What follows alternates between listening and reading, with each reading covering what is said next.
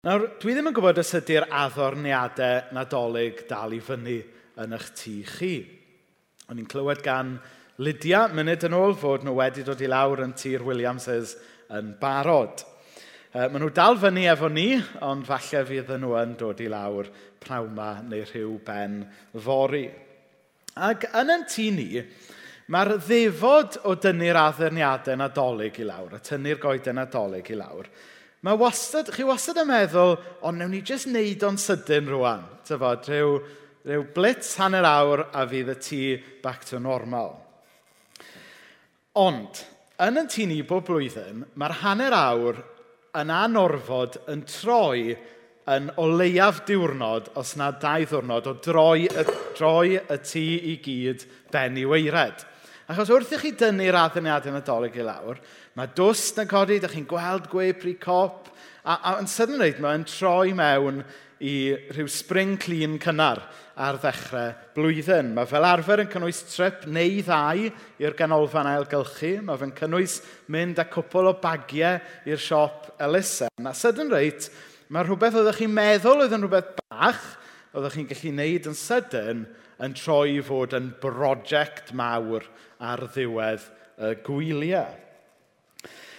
Ac dwi'n yn gwybod os ydy hwnna yn brofiad cyffredin i, i chi, bod, bod yr amser yma'r flwyddyn pan mae'r addurniadau yn mynd i ffwrdd, yn gyfle falle i gymryd stoc, yn gyfle falle i glirio allan yr hen er mwyn rhoi lle i'r newydd.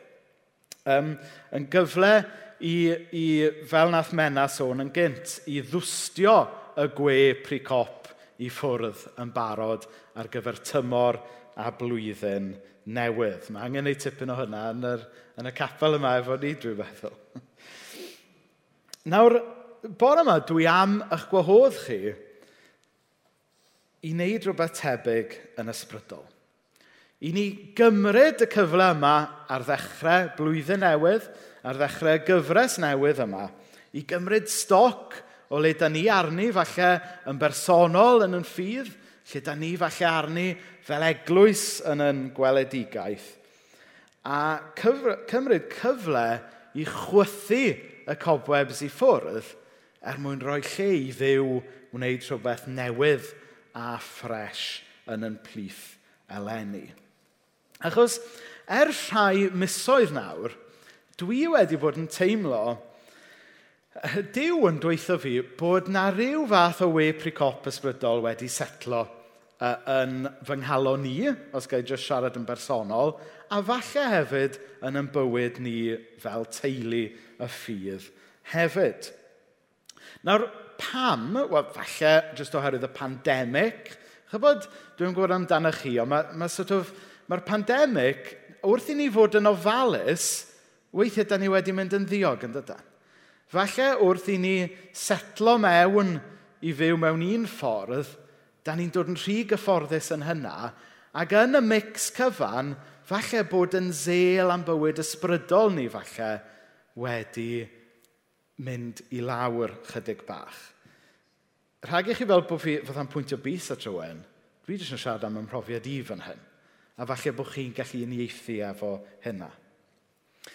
Falle mae rhywbeth arall sy'n cyfrannu at y gwe pricop yw y ffaith um, dwi yn weinidog yma ers deg mlynedd nawr. Nawr, pan mae gweinidog newydd yn dod, mae pob eglwys yn cael rhywbeth o honeymoon period.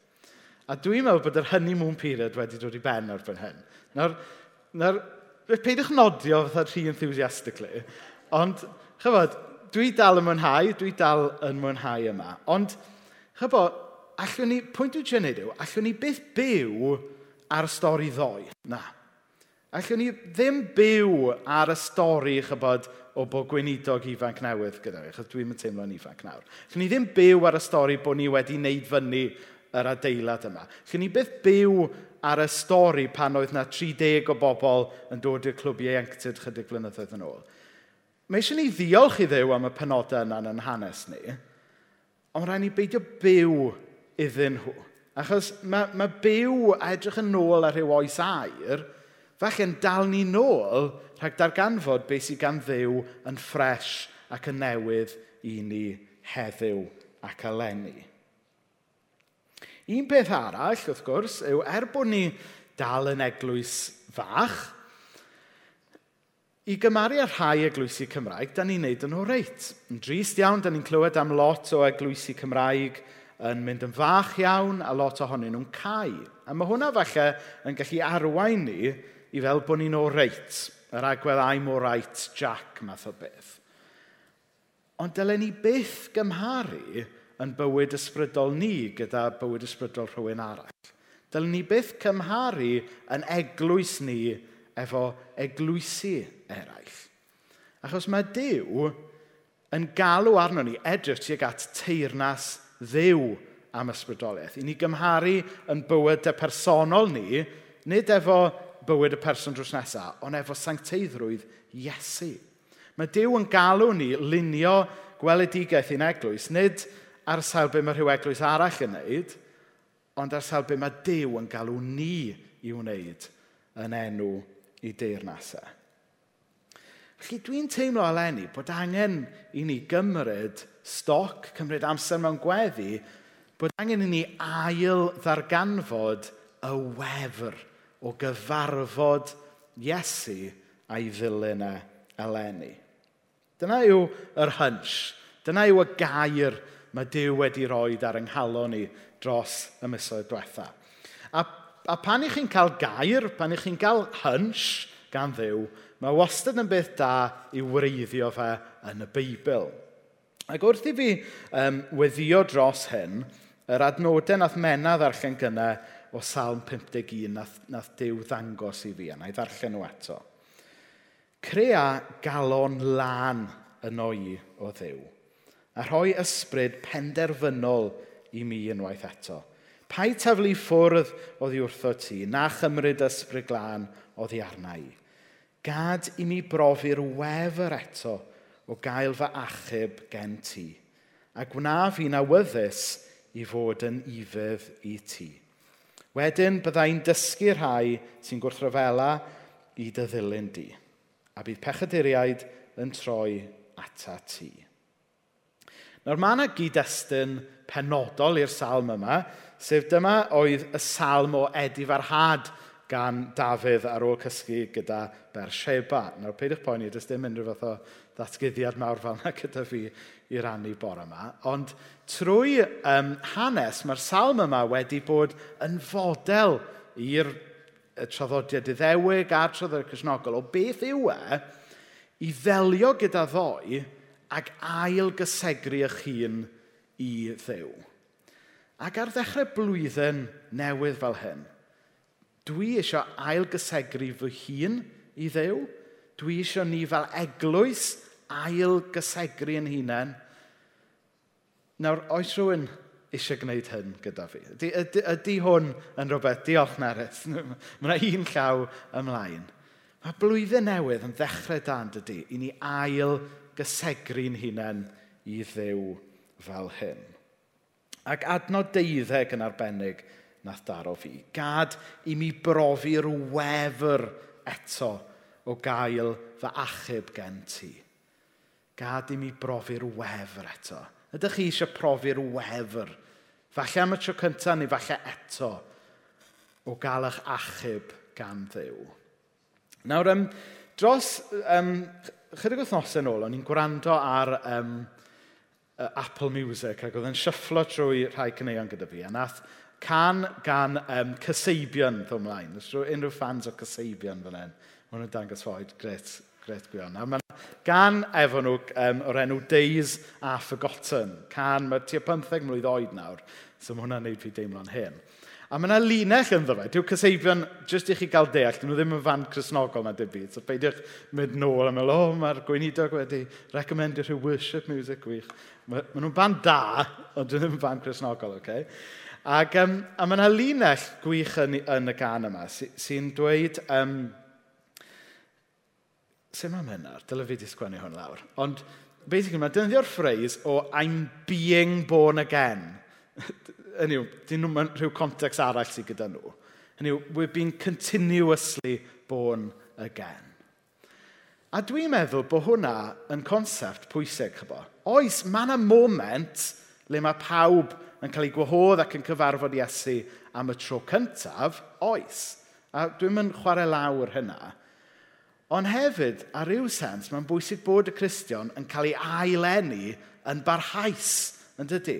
Mae'n bwysig bod ni'n ail ddarganfod gwefr Iesu a bywyd newydd Iesu ym mhob penod o'n bywyd, ym mhob blwyddyn o'n hoes. Felly wrth edrych ar yr adrodd yma, gad i mi brofi'r wefr eto o gael fachub gen ti. Be mae'r salm yn dweithio ni yw bod angen ni gael yn ailenni yn barhaus bob blwyddyn, bob tymor o'n hoes. A dyna pam dwi wedi rhoi y teitl i'r gyfres yma, Cyfarfod Crist, Profi'r Wefr. A dros yr wythnosau nesaf, byddwn ni yn edrych um, a'r hanesion o'r efengylau e, lle mae pobl yn cyfarfod Iesu a mae'r cyfarfod yna yn newid bywyd y person yna. Ac wrth i ni weld pobl yn cyfarfod Iesu a cael eu bywydau nhw wedi newid, dwi eisiau ni hefyd fod yn agored i ni gael y wefr a cael yn cyffwrdd a cael y newid unwaith eto. Ond wrth gwrs, i hynna ddigwydd, mae'n bwysig yn bod ni yn cael yr osgo, yn cael y, y posture cywir yn dydy. So ar ddechrau blwyddyn fel hyn, dwi eisiau gwahodd pob un ohonoch chi i gael meddwl agored, i gael calonau agored, i adael i Iesu wneud rhywbeth newydd. Chybod, um, chybod pan o'n i'n um, dros yr dros y gwyliau nawr, ni'n chwarae gwahanol bethau gyda, gyda uh, cadog a nedw. A dwi'n gwybod ydych chi wedi cael y profiad yna o drio chwarae rhywbeth efo plentyn a dy'r plentyn ddim eisiau chwarae. Chyfod? Pan ydych chi fatha'n cicio pel at y plentyn ond maen nhw eich gyda rhywbeth arall. Neu os ydych chi yn trio chwarae Lego efo plentyn ond mae'r plentyn actually just eisiau chwarae iPad. Mae'n amhosib chwarae rhywbeth efo plentyn os nad yw'r plentyn yna eisiau chwarae. A mae rhywbeth tebyg efo yn perthynas ni efo Dyw. Mae Dyw isio ymwneud â ni. Mae Dyw isio rhoi gwefr i ni, ond mae rhaid i ni chybo, gael yr, yr osgo i fod eisiau cyfarfod a gadael i ddew roi gwefr i ni. Yn mae'n bwysig bod ni yn dod at eleni efo meddwl a calon agored i brofi bywyd a gwefr eto efo Christ. Nawr, mae cael profiad o ddew mor bwysig. Achos os da ni ddim yn cael profiad o ddew, jyst syniad ydy o'n, de? Jyst ism arall ydy o, fel unrhyw ism arall. Ac um, o'n i'n darllen llyfr dros uh, y gwyliau. A ddysio draws yr dyfyniad yma gan cael ranner ac ymdderiadau Toros dwi'n ynganu'r er cyfenw y gŵr yma'n anghywir. A, a dyma yw'r dyfyniad. The devout Christian of the future will either be a mystic, a ystyr mystic yn y context yma yw one who has experienced something, or he will cease to be anything at all. The devout Christian of the future will either be a mystic, one who has experienced something, or he will cease to be anything at all. Nawr, gath yr geiriau yma i sgwennu gan Carl Ranner yn 1971, hanner cam mlynedd yn ôl. A beth oedd Carl Ranner yn gweld oedd fod um, wrth i seciwlariaeth dyfu, mi fyddai chrysnogaeth fel rhywbeth just traddodiadol a rhywbeth diwylliannol yn marw allan, ac wrth i hwnna ddigwydd, mi fyddai gwir grisnogaeth, sef pobl sydd wedi profi dew, mae dyna fydde calon yr eglwys. Nawr hanner cam mlynedd ymlaen, mae seculariaeth, mae, mae, mae llanw seculariaeth wedi dod i mewn, yn dydy. Mae o gwmpas yn traed ni. A jyst cyn nadolig, nath yr ONS, sef yr, yr National Office of Statistics, um, gyhoeddi fod dan hanner poblogaeth Cymru am y tro cyntaf yn nodi nad oedden nhw'n grisnogion. Nawr, da ni'n gwybod fod yr statistig o iawn tipyn is na hynny mewn gwirionedd, ond mae'n arwydd y cawn ydy bod dan hanner poblogaeth Cymru ddim hyd yn oed yn identifio efo Cresnogaeth, jyst fel label diwylliannol bellach. So, so, so dwi'n meddwl mae dechrau'r flwyddyn yma yn flwyddyn arwydd y cael iawn, oherwydd mae Cymru officially nawr ddim yn wlad grisnogol. Hynny da ni fel Cresnogion, da ni wedi gwybod hynna ers, ers tro yn dydyn. Ond yn swyddogol nawr, dydy Cymru ddim yn wlad grisnogol. Nawr, beth yw yn ymateb ni fel Cresnogion i hynna? Ydyn ni'n panico? Ydyn ni eisiau dianc yn ôl i rhyw oes air? Neu, gael gynnig, bod ni jyst yn ceisio dew i brofi y wefr unwaith eto ac o'r newydd yn yn dydd ni. Mae lot mwy exciting i ddechrau o'r dechrau na trio ailadladu rhywbeth sydd yn syrthio i ddarnau o'n cwmpas ni yn dydy. Yn y llyfr yma, um, o'n i'n darllen gan Brian Zand dros, dros y gwyliau. Oedd e'n dweud fel hyn. The faith of the future will be sustained by an experience, not an argument. As the old saying goes, a person with an experience is not at the mercy of a person with an argument. the faith of the future will be sustained by an experience, not an argument. As the old saying goes, a person with an experience is not at the mercy of a person with an argument. Nawr, dwi o blaid deall gymaint y gallwn ni am y ffydd grisnogol. Dwi o blaid um, reslo gyda'r Beibl, darllen llyfrau diwynyddol, darllen llyfrau sy'n esbonio y Beibl ac yn y blaen. Dwi efo PhD mewn diwynyddiaeth. Dwi'n mynd chwarae lawr deall yn ffydd. Ond mae hwnna i gyd yn ddim byd, ond i bai bod gyda ni brofiad o'r dew sydd yn yn achub ni. A dyna mewn gwirionedd sydd yn neud gwahaniaeth. Allwn ni wybod popeth am ddew. Allwn ni wybod popeth am y Beibl.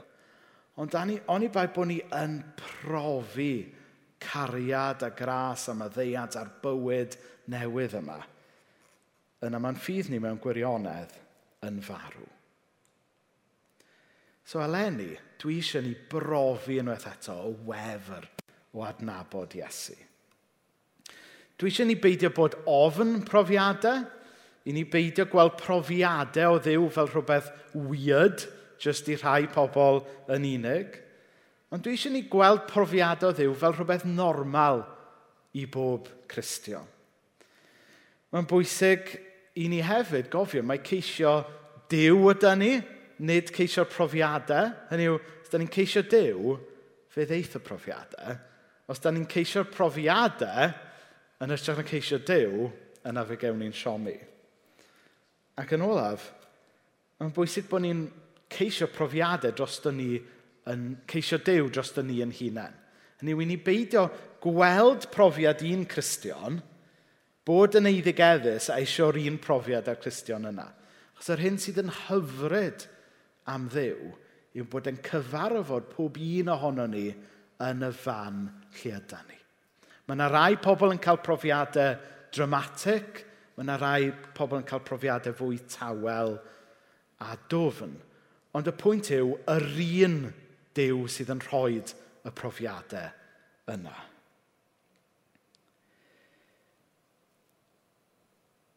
Wrth i ni edrych dros yr wythnos yn nesaf ar y gwahanol hanesion yma o bobl yn cyfarfod Christ, dwi isio ni gyfarfod Christ hefyd.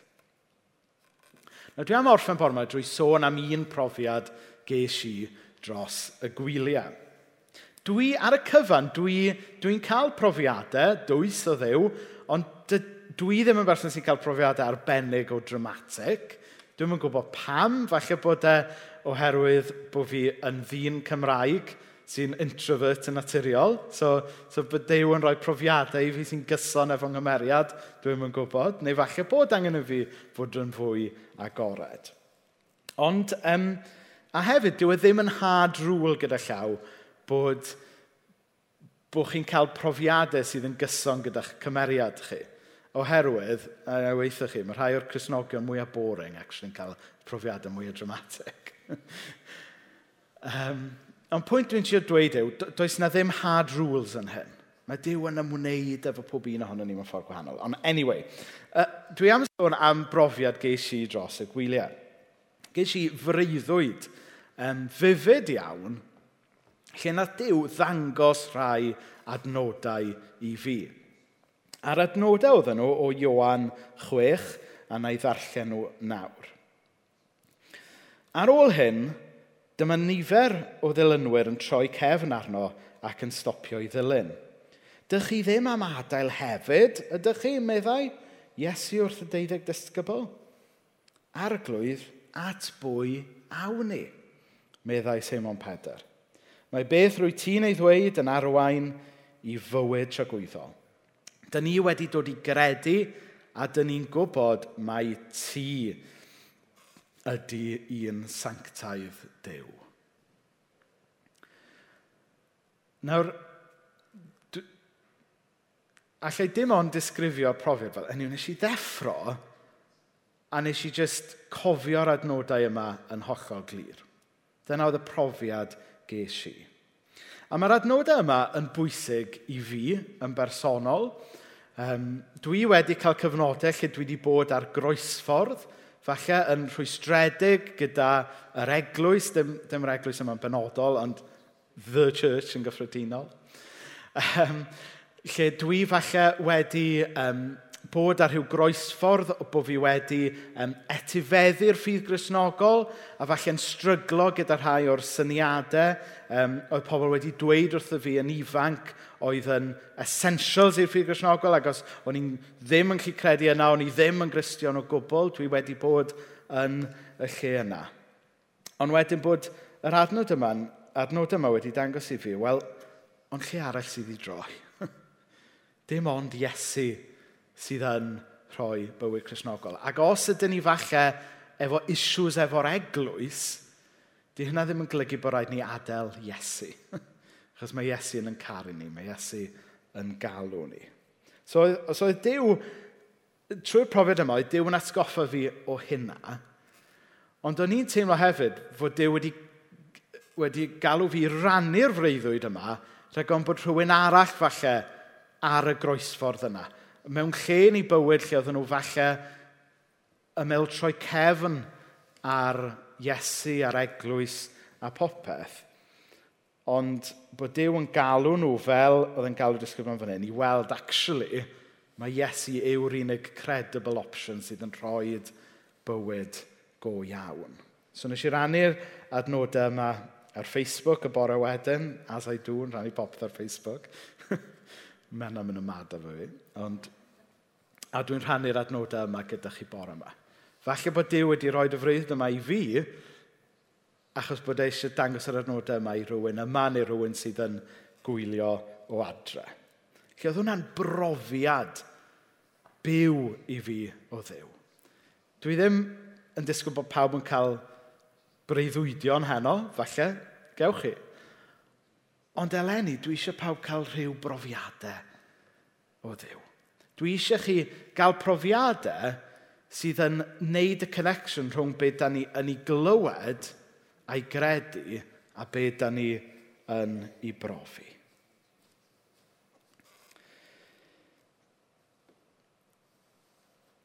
Nawr, ffrindiau, dych chi, ys gyda chi syched i wneud un peth, Ys gyda chi syched i brofi Christ o'r newydd alenau, Ydych chi eisiau bod fel Dafydd yn y salm? Ydych chi eisiau profi'r wefr o gael eich achub eto? Ydych chi eisiau bod yn ifedd i ddew a profi y wefr eleni?